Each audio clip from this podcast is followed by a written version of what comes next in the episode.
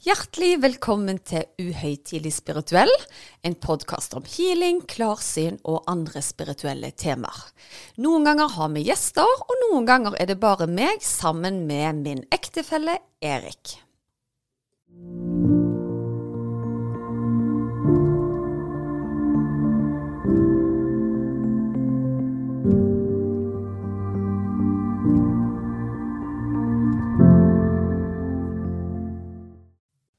Ja, Susanne, da var vi på gang igjen. Det var vi i dag, og det var ingen selvfølge at det skulle bli en episode i dag, fordi vi har hatt verdens mest hektiske program denne uka. Ja, stemmer det. Og nå sitter vi i gallakjole og smoking, klar til å gå ut av dørene. Ja, og planen var egentlig å ikke ha en episode, men så føler vi liksom at vi skylder dere trofaste lyttere. Jeg vet at mange hadde blitt skuffa hvis de hadde planlagt å gå en tur med oss på Øyra, og så er det ingenting. Så vi tenkte OK, da får det være et show about nothing i dag. Ja. Og et spirituelt nothing. Ja, og vi pleier jo aldri å planlegge det vi skal snakke om på forhånd, men vi pleier jo i hvert fall å ha en tanke om et tema. Ja, det pleier jo å være litt research og litt sånne ting, sånn at vi i hvert fall har noe å bidra med. Det må jeg jo si. Ja, så nå får de bare ta del i eh, et uhøytidelig samtale mellom meg og deg om hva vi har gjort den siste uka, kanskje. Ja, men før vi kommer til det, så må jeg jo bare si en ting. Altså, uh, du har jo drevet med disse kursene og litt sånne ting. Mm -hmm. uh, og så husker jeg tilbake igjen, for du var jo nettopp i London. Ja. Og så utfordra jeg deg til å gå på et sted som heter Marble Arch. Og så sa jeg egentlig ingenting om det. Og så sa jeg eh, prøv å kjenne litt på energien der. Jeg vet ikke om det endte med at du gjorde det. Jeg gjorde ikke det. Nei. Jeg tror der ikke. Men det som var bakgrunnen for det, det var at de pleide å henge folk der. Ja. Så det var egentlig en liten test for å se Klarte du liksom å koble deg på de eventsene som var kommet på um, akkurat der og da? Altså, jeg kunne nok ha kobla meg på det om jeg ville, men jeg er blitt ganske flink til automatisk beskytte meg sjøl. Så det er ikke sånn at jeg går inn i et hus, og med en gang kjenner jeg f.eks. Å, her kryr det av eh, ånder. For det, de er jo overalt. Så jeg har et veldig sånn bevisst forhold til det nå, å lage meg på eller ikke lage meg på det. Ja. Men det er jo en grunn til bl.a. at jeg ikke har vært i Auschwitz, f.eks., når vi har vært i Polen. Fordi jeg vet at det vil være ganske heftig for systemet mitt. Og i sånne steder så er det kanskje ikke lett å skru av det av. Nei. Men så så jo vi denne serien Lilly Lily Dale på ja. Stemmer. Og det fikk jeg faktisk anbefalt i en av medlemsportalene eh, mine. I Vektin intuitive healer så har vi da en sånn boktråd og filmtråd hvor du kan anbefale spirituelle serier og filmer og sånn, da. Så meg og deg satte oss jo ned og så den. Og der vet jeg at Lisa Williams òg har eh, sånn feriehus. Ja, ok. For de som ikke vet hva Lilly Dale er, så er det altså et eh, De kaller det for et spirituelt sentrum i USA. Det ligger nordøst, altså ikke så langt ifra Toronto, Buffalo, New York-triangelet der. Uh, og det er altså et sted hvor det over 100 år, er det ikke det, har vært et sted hvor folk samles, og det er mediumer der, og du kan få readinger og all verdens. Ja, det er nesten som et sånn community, et sånn spirituelt community, hvor det er veldig vanlig å sitte i sånn eh, åpent foredrag, da, hvor du gjerne kan snakke med avdøde slektninger. Du kan ha personlige ridinger, som du sa. Så det er visst et sted som veldig mange reiser til én gang først og fremst for å vekke nysgjerrigheten, da, og finne ut om er det noe i dette. Men det de sier, er jo at veldig mange kommer tilbake. Og det er òg mange som først har vært på besøk der, og velger å flytte dette for å jobbe som medium eller healer. Ja. ja, det forstår jeg jo egentlig godt, for vi snakket jo liksom i forrige episode om dette her med eh, når du var flere samla, så blir det akkurat som et batteri som forsterker på en måte kreftene. da. Mm. Eh, og tilsvarende er jo kjent fra forretningsverden at eh, du har disse clusterne gjerne som altså forskningsgrupperinger. Uh, og eh, innenfor markedsføring faktisk, så er det jo sånn at hvis du skal åpne en Burger King, det beste stedet å åpne Burger King det er ved siden av McDonald's. Mm. Det blir en slags to pluss to ligger fem, da. Ja, og så er det noe med det å være sammen med likesinnede. Jeg hadde jo syntes det var kjempespennende å dra der til, egentlig bare for å kjenne på energien. Men så er det jo det med ulike medium, ulike healere. Eh, du er nødt også ha en kjemi med den som gjør en reading med deg, da, f.eks. For, for det var jo eksempler der med bl.a. en mann som skulle gjøre en reading til ei dame. Og han snakket så monotont, og han virka så lite til stede at jeg hadde aldri vært komfortabel til å gå til han, f.eks. Nei, og der var de jo borti veldig det der bildet med nettopp den kjemien. Altså, sånn som så hun de fulgte da, hadde jo først en reading med han. Og sa vel egentlig til sine venner at uh, hun følte ikke helt at det han sa, stemte. Mm. Men så gikk hun til en dame som egentlig sa mye av det samme, men uttrykte seg på en litt annen måte. Det kunne hun kjenne seg igjen i. Mm. Og så er det veldig viktig når folk skal ta seg en riding med et medium, f.eks., så er det så viktig det å være åpen, fordi det er veldig mange som går der for at nå skal de sjekke fakta. Jeg skal ha bevis på at du kan faktisk snakke med min oldemor. Og hvis du da lukker igjen for alt, du vil ikke gi noe bekreftelse, så er det veldig vanskelig for det medium å være åpent overfor deg òg. For hvis jeg sier til deg eh, Du, jeg har ei dame her rundt 80 eh, år, eh, dult på hodet, forkle, eh, gjerne noe annet som beskriver vedkommende, og jeg ikke får noen ting ifra deg, så begynner jeg å tvile på det jeg får, og da er det veldig fort at det glipper. Så det er derfor det er veldig viktig for et medium å få bekreftelse underveis. Det betyr ikke det at du skal si ja til alt du sier, Eh, du må selvfølgelig komme med en del punkter som gjør at du kan relatere deg, da. Og veldig ofte i starten av en reading så kan du gjerne bare se ting som ikke gir mening til meg, f.eks., men det kan gi mening til deg. Jeg kan bl.a. oppleve, hvis jeg healer noen, og det kommer noen inn fra den andre sida, at jeg tar litt sånn mediumskap under behandlingen, da. Kan jeg f.eks. Herlig, hvorfor ser jeg ketsjup? Jeg ser bare masse ketsjupflasker her. Og så venter jeg kanskje litt, og så ser jeg gjerne Å, herlig, hvorfor, hvorfor, ser jeg en sko, en hvit sko og ketsjup? Hva er dette her?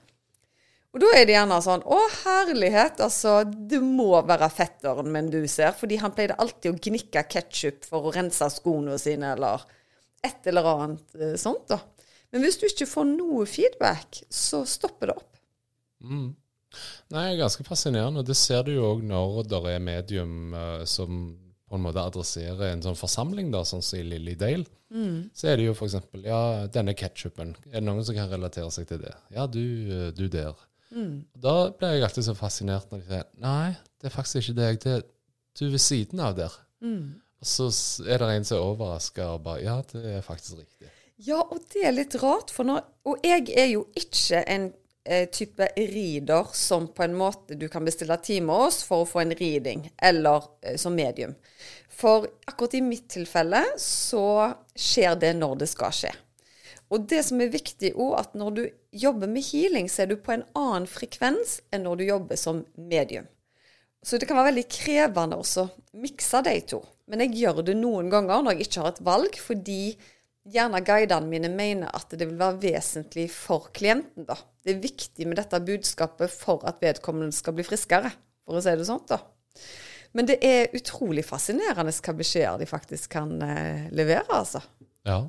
Nei, jeg syns det er ganske utrolig det du kommer hjem og forteller. Men kan du ikke gi oss et eksempel? Altså, Nå hadde, brukte du ketsjup, men uh, du har jo brukt tidligere at uh, du ser gjerne en uh, lottogevinst.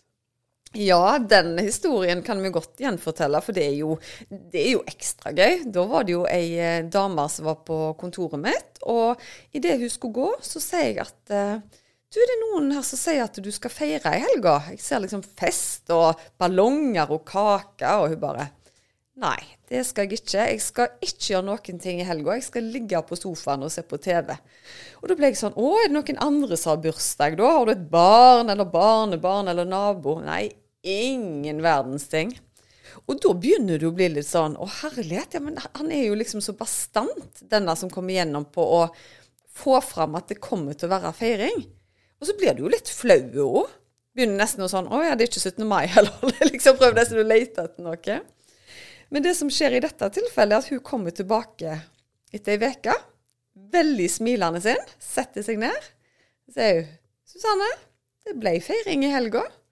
Jeg vet bare Å ja, gjorde du, det, du for min skyld da, eller? Hun bare Nei, jeg vant én million på nabolotteriet. så det hadde vært kjempefeiring. Så hun hadde jo invitert hele familien hjem på kake og Så det ble sånn som han eh, Jeg mener det var hennes avdøde far som kom med den beskjeden. Ja, stilig. Og det syns jeg er litt sånn fascinerende. Du får opp festen, men ikke nødvendigvis lottotallene, da. Nei, sant? Og det er jo det som er med det å være medium, er jo det at du må tolke. Fordi de bruker ikke sånn muntlig språk som det meg og deg har, men de gir oss en følelse. Og jeg har aldri vunnet i Lotto, så jeg vet ikke hvordan jeg skal føle å vinne en Lotto. Men jeg har jo vært på feiringer med kaker, og jeg klarer å forstå at symbolet masse folk, ballonger og kaker gjerne er en fest. Men når de ikke kan si ordet fest, så er de nødt til å vise deg bilder. Og det var det, det beste han kunne, kunne, gjøre for meg, da, var å vise meg de tingene. Og sånn som du sier, hvorfor viser han deg ikke tol, eh, lottotall? Det kan godt være at han prøvde å vise det først, men at jeg ikke snappa det opp, da. Ja. Ja, veldig stilig. Nei, men eh, det med følelser, det syns jeg er ganske interessant. Og jeg kan eh, dra det litt til 17. mai, faktisk. Ja. For det at uh, jeg er jo vant med å gå i barnetoget sammen med ungene. Mm. Og uh, i år så var dere så kalde at dere ville ikke være med i folketoget engang. Nei. Uh, så, men jeg skulle gå i folketoget for Røde Kors. Ja. Og jeg går der forrest sammen med fanen, og så uh, syns jeg det var ganske interessant, for jeg, jeg, visste ikke helt hva jeg gikk til. Og plutselig så går du da Hele byens øyne er retta mot deg, for å si det sånn. Og i motsetning til barnetoget, hvor folk Det er ganske tidlig på dagen, da. Eh, så har jo folk vært litt nede i champagnen eh, gjennom dagen. Ja. og du kjenner liksom dunsten av alkohol mens du går der i, i toget, da. Men uh, når folk da ser Røde Kors, så var det sånn Å, det er Røde Kors! Jeg elsker Røde Kors! Så kjekt. Og så var det masse klapping, og det var faktisk en som kom bort og sa Hei, jeg vil bare si at dere har redda livet mitt. Så jeg klapper for dere. Åh, oh, ja. Men du er jo en person som som virkelig blomstrer når du får sånn feedback òg, fordi du er så opptatt av å gjøre en forskjell. Og jeg tror at de, de, skal, de, skal, være fornøyde med å ha deg i det toget, for jeg tror du bærer den fanen med den største stolthet, altså. Ja, nei, men det var veldig kjekt. Så jeg synes jo det er veldig Altså, det er jo ikke jeg som har redda livet til dem, men det er veldig kjekt å være en del av en organisasjon hvor alle gjør litt. Mm. Eh, og så påvirker det mange. Mm. Og for de som ikke vet hva du gjør i Røde Kors, så sitter jo du i styret der. Så du er ikke den som er ute i feltet, men du er med å organisere. Ja, stemmer. Mm. Så, eh, og i dag skal vi jo på galla, faktisk, i en annen organisasjon. Ja, og der har du vært ivrig. Hvor lenge er det du har vært med i Roundtable nå? Uh, ja, ni år kanskje, tror jeg. Ja, Det begynner å bli ganske mange år nå. Du er egentlig for gammel til å være med, du nå? Ja, så det siste jeg gjør nå, det er å bli en slags uh, general for et sånn europamøte vi har her i Stavanger. Og da kommer det altså over 50 stykker fra forskjellige, med ni nasjoner. Mm. Uh, og etter torsdag-fredag og et møte i dag, så har vi altså avsluttende galla på kvelden, da. Utrolig kjekt. Og i dag har jeg tatt med ni damer i badstue ute i Jåttåvågen, hvor vi har bada i åtte grader. Og jeg svømte tre ganger. Jeg tror jeg var den som svømte mest, om jeg skal si det sjøl. det var kjempeherlig. Men det å se så mange mennesker fra ulike kulturer ha det så utrolig kjekt sammen. Og jeg var så heldig at jeg møtte disse damene eh, første gang i fjor, på Island. Og det var utrolig, fordi jeg trodde gjerne at jeg kommer sikkert til å bonde mest med svenskene og danskene, tenkte jeg. Jeg vet ikke hvorfor jeg tenkte det, men det er kanskje bare sånn du tenker fordi du kjenner kulturene til hverandre best. Men de jeg bonda mest med, var jo de fra Israel. Ja. Og det var så gøy å se de igjen nå. Så jeg gleder meg til å treffe de mer igjen på, på gallaen i kveld. Men det jeg syns er òg veldig kjekt, Erik, er at du inviterer meg med på disse tingene. Fordi vi er ikke mange damer som er med. Nei, der er vel hva er det, ti damer med, og så er det over 55 totalt. Så, ja, ja, men hvor mange fra klubben i Stavanger av mennene er med på opplegget denne helga? Ja, ti-tolv. Og så er vi to damer. Ja. Men på gallaen i kveld så kommer det kanskje to til. Ah, ok, Så da blir vi litt flere. Ja. Men hva er det som gjør at du syns det er så kjekt at jeg er med deg på sånne ting? Jo, det går vel kanskje litt tilbake igjen til Altså, Vi har jo snakket en historie om trening, annet. Dette her med å ha felles opplevelser i parforholdet. da. Mm. Eh, og det starta jo med at du begynte å trene, og jeg ikke trente. Og så syns vi at det var gjerne en avstand mellom oss. da. Så nå trener begge to. Ikke nødvendigvis sammen, men det er i hvert fall en fellesnevner, og det er treningen. Eh, og så, uh, når det gjelder denne gallaen, da, så har det vært viktig for meg at hvis jeg skal gå på disse tre dagersene, så er det viktig at enten at du er med på alt, eller du kan være med på noe. Og det er mye kjekkere for meg å komme hjem og fortelle om en galla jeg har vært med på, uh, hvor du vet hvem har jeg vært med, hvem er det jeg snakker om, ikke sant? Dersom du ikke kunne være med. Men også, enda kjekkere er det jo at vi får felles opplevelser som vi kan snakke om, og gjerne glede oss til neste år, hvor det er en ny fellesopplevelse som venter. Og det må jeg bare si, det er jo aldri kjedelig å være med deg på noen ting. Det har jeg aldri opplevd. Ever i, eh, i mitt liv. Men så tror jeg òg vi begge to er jo sosiale personer når vi først er ute. Så jeg tror nok eh, vi er personer som byr på oss sjøl, i hvert fall da. Ja, Vi sitter ikke i en krok og så venter på å bli underholdt i løpet av kvelden. Nei, nei, det er nok sant. Vi er nok eh, Det skjer ting, ja. Og det er livlige historier. Det er mange livlige historier etter hvert. Men det jeg syns er litt kjekt, da, tilbake igjen til disse både Røde Kors og til Roundtable med Altså, det handler jo om å utvide horisonten. Og det er jo litt det vi gjør her òg, da. Absolutt. Og vet du hva? I går så hadde jeg en samtale med en av dine venner ifra Mener det var fra Holland. Så sier han til meg Du Susanne, dette vet ikke du, men nå skal jeg fortelle deg noe.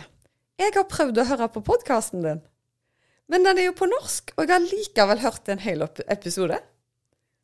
Ja, det er imponerende. Det er kjempe... Så jeg visste ikke om jeg skulle le eller hva. Jeg var seriøst. Da er du veldig Ja, da er du kjempeinteressert. Men så sa jeg det at eh, Hvorfor? han. Jeg syns det er bare så spennende det dere driver på med. Så han håpte det kom eh, på engelsk etter hvert. Ja. Vet du hva jeg syns vi skal ta en utfordring på? Nå skal vi møte han i kveld. Ja. Nå skal vi gi han den med lysspråket. Ja. Og så skal vi se at selv om dette er et annet språk, der liksom han forstår egentlig ingenting, hva er hans inntrykk etter å ha hørt kanskje det minuttet eller to med lysspråket? Merker du at det skjer et eller annet med meg nå? Bare vi begynner å snakke om det lysspråket, så er det akkurat som at det er en energi som vil, vil gjennom igjen. Ja, ok. Klarer du å påkalle energien igjen, da? Eh, vi kan prøve, for det virker som at det er noen som vil prate litt gjennom meg igjen nå, uten at jeg vet hva det går i, da. Ja, spennende. Jini ilikane ita voluk ita ina ule ina i i volu chitante i funta uli ina i kalina i aina oi volu chitunti ina i kaina neili daini tuni ita ila kina ai chiti. Vono unta ilta ina ina i. Vinei chiti vini unt. Uli ina i ai. Jini il. Vuntu konta ala ante i. Vileicitine ini i. Vonuci vanti elitina aina. Vonutini i kani. Chi vun ku ti tail vilanti ita ina eikaini, neichi nei chi vontuini elina ita kan ita ia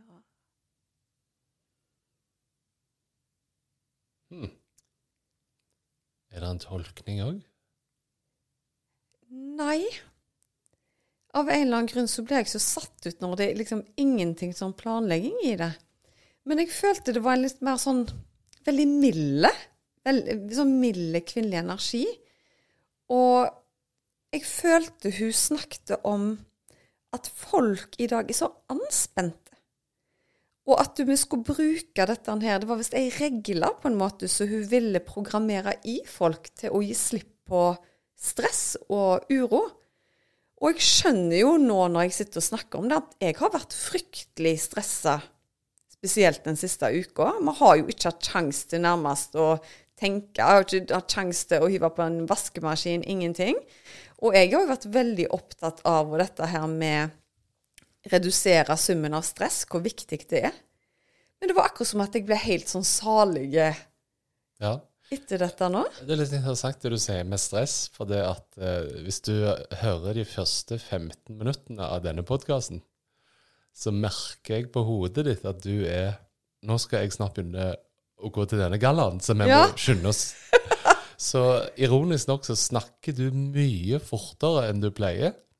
For det at du skal skynde deg til den gallaen. Ja. Vel vitende om at denne Hvis du skal dra ut tiden, for å si det sånn, så bør du snakke seg langsommere. Ja, men hallo, det er jo ingen hemmelighet at når du har et så tett program som jeg og deg har, og allikevel så gjør vi jo dette, denne podkasten på hobbybasis, og vi ønsker jo å levere spennende temaer. Og når du da ikke har kjangs til engang Jeg har knapt hatt tid til å meditere. Jeg har brukt to av mine egne guidede meditasjoner bare for å få ro, og de er jo gull verd. Ja. Men uh, sjøl på de mest stressende dagene så har du ikke tid til å søke innover, da. Ja. Men det er litt interessant òg, for det at du nevnte at eh, denne kvinnelige energien her, da, den uh, ville gi en slags regle for å stresse ned. Og faktisk så syns jeg jeg hørte dette her. Det var akkurat sånn én, så gjør du sånn. To, så gjør du sånn. Og tre Å, nå får jeg frysninger når du sier det. Men hun kom så sterkt fra sidelinjen, og så var det litt dette her med viktigheten av Jeg fikk følelsen av at hvis du skal ha det gøy, så må du òg være til stede. Du må stoppe opp og nyte å ha det gøy, for vips er det over. Ja. Og det var akkurat den følelsen det ga meg i slutten, da. Men det kjenner jeg jo igjen i, for nå har vi planlagt f.eks. den gallaen her i to år. Eh, og jeg har vært så opptatt av at dette må gå bra torsdag til lørdag. Og nå er det kun gallaen igjen. Og det er svært lite som kan gå galt. Men jeg hadde liksom ikke nytt turen. For det at det skulle gå bra, ikke sant? Ja. Men er det noen som fortjener å ta seg en skikkelig fest i kveld, så er det du, Erik. Du har stått på så bare det. Og det er jo så mange som har skrytt av opplegget i Stavanger. De har hatt det kjempefint. Så Ja. jeg tror nok du skal få lov å nyte kvelden i dag, altså. Jo, takk. Og for de som uh, gjerne husker det, for et år siden så var vi jo på Island og hadde en spirituell opplevelse der i, eh, Ja, i Den blå lagune. Og det var jo i samme setting med Roundtable. da. ja så det, det skjer ting under disse settingene her. Altså, det er jo ingen, Ja. ingen tvil om det. Men du, eh, når vi snakker om spiritualitet, får du noe mer kontakt med den spirituelle sida di for tida? Um, det er et godt spørsmål. Altså, Jeg må jo si da at jeg er jo litt sånn merkelig skrudd sammen, kjenner jeg. For det at jeg forventer jo, sånn som du sier, jeg får en sånn vosj gjennom hele kroppen. Så det er jo for meg en slags sånn fysisk eh, bekreftelse, da, om du vil. Jeg opplever ikke så mye at jeg får de. Men jeg er mer liksom det at jeg sitter og, og tenker f.eks. i et møte at eh, svaret på det vedkommende spør om, er sånn og sånn og sånn. Og så sier jeg ingenting. Og så er det en annen som sier eh, akkurat det som jeg tenkte på. Og så hører jeg det bare sånn Å, det er fantastisk, Torgeir. Så eh, Men da må du jo lære deg å si det når du har svar. Men så er det sånn chicken and egg, da. sant? Er det du som faktisk snapper opp det nabomannen har tenkt å si, eller er det han som snapper opp det du har tenkt å si? Og det vet vi jo aldri helt, sant? Er det det at vi er så himla smarte sjøl, eller er det faktisk det at du snapper det opp? Fordi jeg merker jo at du er sinnssykt mye mer sensitive nå enn det du var i starten når vi møttes. ja. Du, eh, du leser rommet veldig godt. Du tar inn veldig mye inntrykk fra andre mennesker. Du vet veldig hvor du har de på magefølelsen. Så du er mye mer hjertestyrt nå enn du var tidligere, vil jeg si, hvor du var mest hodestyrt. ja, så tror jeg nok jeg har vært flinkere med, hvis du tenker den magefølelsen, da. At du står og prater med noen, og så tenker du dette gir meg ingenting. Da legger jeg inn en ekstra dotur, altså. Ja. Og det tror jeg folk flest må være flinkere til. Fordi du aner ikke hvor mange ganger jeg har vært på en tilstelning, og så blir jeg låst med ett menneske som bare griper fatt i meg. Og så er det så mange jeg har lyst til å snakke med. Men så føler du at du skylder den personen som så veldig gjerne vil ha en bit av deg, da. Og det syns jeg er vanskelig, fordi jeg vil så veldig gjerne være hyggelig med alle. Men det jeg har lært meg da, er det at eh, etter en stund, når jeg da føler at nå, nå kan jeg gå videre, så er det egentlig bare å si det har vært utrolig kjekt å snakke med deg. Nå tar jeg turen videre, for jeg må nesten hilse på de andre òg. Ja. Men det er vanskelig.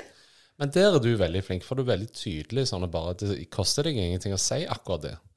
Mens eh, det jeg gjerne ville gjort, det var jo avtalt at vi har tegn. For eksempel det at ok, hvis jeg, du ser at jeg står og klapper meg på hodet, så må du komme og redde meg. Litt sånn som i Seinfeld med, med Elaine og Jerry. Ja, og bare der ender de jo opp med at ingen kommer og redder dem. Og så når de endelig klarer å bryte ut av dette, så står de, finner de hverandre klappende på hvert sitt hode.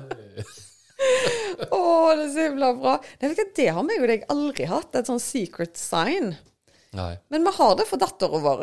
Hvis at hun er ute på noe og har lyst til å komme hjem for eksempel, og bli henta, da har vi et sånn eh, kodeord som hun kan eh, skrive til oss i SMS eller si på telefonen. Så vet vi at da har hun lyst til å komme hjem, f.eks. Ja. Så det tror jeg kan være veldig lurt for eh, foreldre òg i forhold til ungene sine. For det er noen ganger de syns gjerne det er vanskelig å si at eh, å nei, jeg har ikke lyst til å overnatte hos deg. Eh, så da kan det være lett å heller ringe til en mor, og så hive han et kodeord, og da skjønner jeg at du har ikke så veldig lyst til å overnatte, så da kan jeg se du, du passer ikke så godt denne helga, Aurora, ta det en annen helg, f.eks. Ja. Nei, det er godt uh, poeng. Men uh, ja, galla, ja. Klarer du å stenge av all disse på galla? Det gjør jeg så absolutt. Men folk er jo veldig nysgjerrige på dette yrket mitt, da. Det er jo ingen uh, tvil om det. Men det som er så løye, at hver gang noen spør meg ja, hva jobber du med, og jeg sier healer, så blir det helt stilt. Ja. Er du eh, eh, hva skal jeg si, ingeniør eller jobber på plattform eller er kokk eller sånn, så har folk alltid sånn oppfølgingsspørsmål. Men jeg må liksom svare på mine egne spørsmål. jeg må stille de sjøl. Ja, og da mener jeg bla, bla, bla, bla, bla. Hvis ikke så skjønner de det ikke. Og så er det veldig mange som litt sånn Ja, men er det Erik som forsørger deg, da? Sant? Og det er det jo ikke. Jeg forsørger meg sjøl. ja. Ja. Men det jeg syns er litt interessant, eh, det er jo egentlig det at nå er det jo da ni forskjellige nasjonaliteter. Opplever du stor forskjell på alle disse nasjonalitetene? La meg ta et sånn eksempel da kjapt innenfor uh, For de som er fra Israel, så er du som regel da jøde. Og innenfor jødedommen så har du kabbala, som er veldig likt egentlig den spirituelle veien vi gjerne eh, omtaler her, da. Vet du hva, jeg merker veldig lite dømming fra noen. Jeg syns alle virker åpne og nysgjerrige. Men det kan jo være fordi de er folk som er med i denne klubben fordi de ønsker å løfte, løfte folk rundt seg òg, da. Ja, At folk er med rett og slett for å utvide horisonten. For det er jo Eh, Ja. det som er formålet. Ja, ja, absolutt. Men, eh, men jeg har sjøl en ting jeg er nødt til å jobbe med, og det er det at jeg blir stressa rundt leger. Ja. Av en eller annen grunn så låser jeg meg fort når det er en lege i nærheten. Og det er nok pga. tidligere erfaringer og føler at jeg blir arrestert på det jeg eh, driver på med. Men det legger jeg ikke over på legen, det legger jeg over på meg sjøl. Og sjøl om at det har blitt enorme endringer der, jeg føler leger nå er mye mer åpne, spesielt med tanke på dette med meditasjon. Det er jo forska på og dokumentert her ifra til evigheten nå hvor godt eh, meditasjon gjør, da. Og det at jeg gjør healingene mine gjennom guida healing-meditasjoner nå, er mye mer akseptert enn at jeg kaller det en healing. Ja. Så ofte sier de kaller en spade for en spade, men jeg sier guida healing-meditasjoner rett og slett for at det er et språk som gode leger forstår. Men det er ganske interessant det, hvordan du da sier at du har en slags greie med akkurat det, basert på dine tidligere opplevelser. Og jeg eh, jobbet i et miljø en gang hvor folk var ganske sånn påståelige. Så jeg husker jeg hadde sett et TV-program, så sier jeg sånn Ja, du vet hva, i løpet av dette TV-programmet så har denne flyet her har altså da blitt tanka med så og så mange tusen liter med drivstoff. Si det var 10 000 liter drivstoff. da. Og så hører jeg bare Jeg har knapt satt punktum på setningen, så sier vedkommende Nå har jeg googla det, og det var 1219 000 liter drivstoff. Og det skjerper jo sansen å bli satt på, på plass eh, hele tiden. Det, det gjør det. Og så Jeg tror nok det er den der følelsen hvis en lege er rundt meg, og de tror at jeg lurer folk. Sant? Ja. Fordi at det er kun medisin som fungerer, men det det viser seg nå etter hvert, er jo at medisin som regel fungerer mot ett symptom, men så har du bivirkninger på elleve andre skalaer. Det finnes jo nesten ikke et medikament lenger som ikke har bivirkninger. Vi er helt avhengig av medisin, helt klart. Men det er så mye vi kan gjøre med å gå innover i oss sjøl. Og faktisk snakke til kroppen nå. Jeg har, begynt, jeg har fått en skade på, på låret mitt, og jeg har begynt å snakke til huden min. Og så tenkte jeg, er dette innbilning? Eller i løpet av en uke har huden forandra seg? Og jeg spurte deg, ser du forskjell her, eller er dette en metode? Og da sa du at du så forskjell. Og det jeg kun har gjort da, er noen kvelder før jeg legger meg lukker øynene, så har jeg mentalt sagt til huden min Nå, hud, dere har vært fantastisk flinke og reparert ting til nå, men jeg trenger at dere gjør en enda litt bedre jobb. Sant? Ja. Så jeg syns den skaden ser, ser bedre ut. Veldig kult. Og det er jo litt sånn som jeg gjør hvis jeg skal holde en presentasjon eller et foredrag eller et eller annet. Da sier jeg jo til meg sjøl dette foredraget her, at det kommer til å bli skambra, og masse folk som kommer til å smile og være inspirert. Ja, men det er det jo alltid når du holder et foredrag, så jeg tror du må gjøre mye mer av det. For jeg ser jo det gir jo deg energi og andre energi i ukevis etterpå, Erik. Ja. Jeg syns du er fantastisk flink. Nei, altså hvordan eh, er det egentlig å være i nærheten av eh, sånn et unikum? Helt objektivt. Nei, jeg hørte faktisk på en podkast nå om hva som skilte eh, de parene som fikk det til, og de som ikke fikk det til. Og da sa hun forskeren det at en av de er beundring. Og det sa hun ofte til disse her klientene sine som kommer. Det å beundre partneren, det gjør at du får et langt og lykkelig ekteskap. Og det de fleste sa da, ja, men herlig, det er jo ingenting å beundre med han der en der, eller hun der en der, altså hva skal det være? Men det hun mente òg, det var en treningssak, da. Og ikke nødvendigvis se det fra eh, ytre ståstedet, men å gå inn i Hva skal jeg si? Eh, gå inn i din følelse, da, når du presterer og gjør det bra. Hvordan kjennes det ut for deg? Og da blir det en beundring bare av å kjenne på den mestringen du gjør i en gitt situasjon, da. Men så har du sånn som meg, som syns det er veldig enkelt å beundre deg, for jeg syns du er veldig dyktig. Men det var faktisk et av de punktene hun sa. Beundring. Og så var det dette her med å bli sett. Og folk syns det er veldig lett å definere om de blir sett av partneren sin hjemme.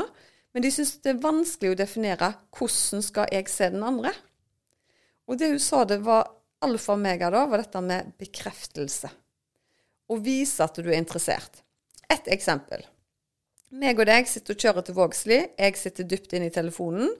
Og du kommenterer veldig mye om kjøring. Det har vi, det har vi kommet fram til. Men det hun sa var veldig viktig, da. Selv om du er null interessert, så skal du i hvert fall si mm. Det gjør noe med hele nervesystemet ditt, kontra at du ikke sier noe. Så jeg skal bli enda flinkere på å si mm, ja, stemmer det. For det, det gjør noe med deg igjen. Ja. Det er ganske interessant du sier, for det at, eh, jeg er jo òg fotballtrener. Ja. Og der er det en pedagog, og så er det meg. eh, og så kommer ofte ungene og liksom 'Se på meg, se på meg, se på meg!' Og så sier jeg 'Bare vent litt, jeg skal bare bli ferdig.' Og så 'Ja, nå kan jeg se på deg'. Men da er jo på en måte momentet over, da. eh, mens hun pedagogen, hun bare 'Å ja, så flink du var'. Ja. Og så er de happy med det. ja. Helt til oppfølgingsspørsmålet kommer, og det er problemet ditt òg i bilen her, da. For det, kommer til å komme uansett. Og da kommer du bare sånn mm. Så kan jeg si Ja, hva farge var det på den elgen, da? Hæ? Men nervesystemet ditt er fornøyd, med det, det er det som er det viktigste. Men det hun sa da, var òg kilden til et langt og lykkelig parforhold er det å ha det gøy sammen, finne noe felles der. Men òg at hvis du er uenige eller sure på hverandre, at du raskt eh, tar en sånn helomvending i situasjonen, da. At du går ikke og er sure på hverandre i dagevis. Du tar det opp. 'Sorry, jeg var dumt det jeg gjorde. Var dumt det du gjorde. Sannheten er kanskje en plass midt imellom, og bli ferdig med det. Ja. Og det er vi jo ganske gode på, vil jeg si. Ja, syns det. Så du tar som regel ansvar når du har drept Gud. Ja, det er som regel meg, vet du. OK, Erik. Da tror jeg vi må kaste oss rundt og si ha det til lytterne, og svinge oss på dansegulvet. Ja, så nå skal vi manifestere at vi kommer inn i et rom med masse mennesker som er klar for fest, og dette kommer til å bli en kjempegøy hele Det kommer til å bli helt magisk. Ja. Eh, vi håper eh, at du, som oss, har en eh, magisk dag videre. Og så håper vi du likte den lille hektiske stunden her med oss. Yes, ha det! Ha det. Ha det.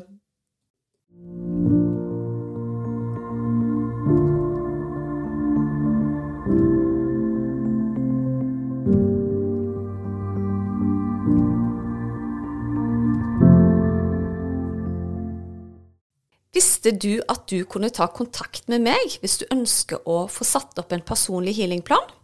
Da er det bare å kontakte meg via Instagram eller på e-post, så gjør jeg det helt kostnadsfritt. Da er det mye lettere å vite hvilken healing du skal velge, til hva tid du skal bruke den, og for hvor mange uker du bør benytte deg av dem. Gå inn på healersusanne.com.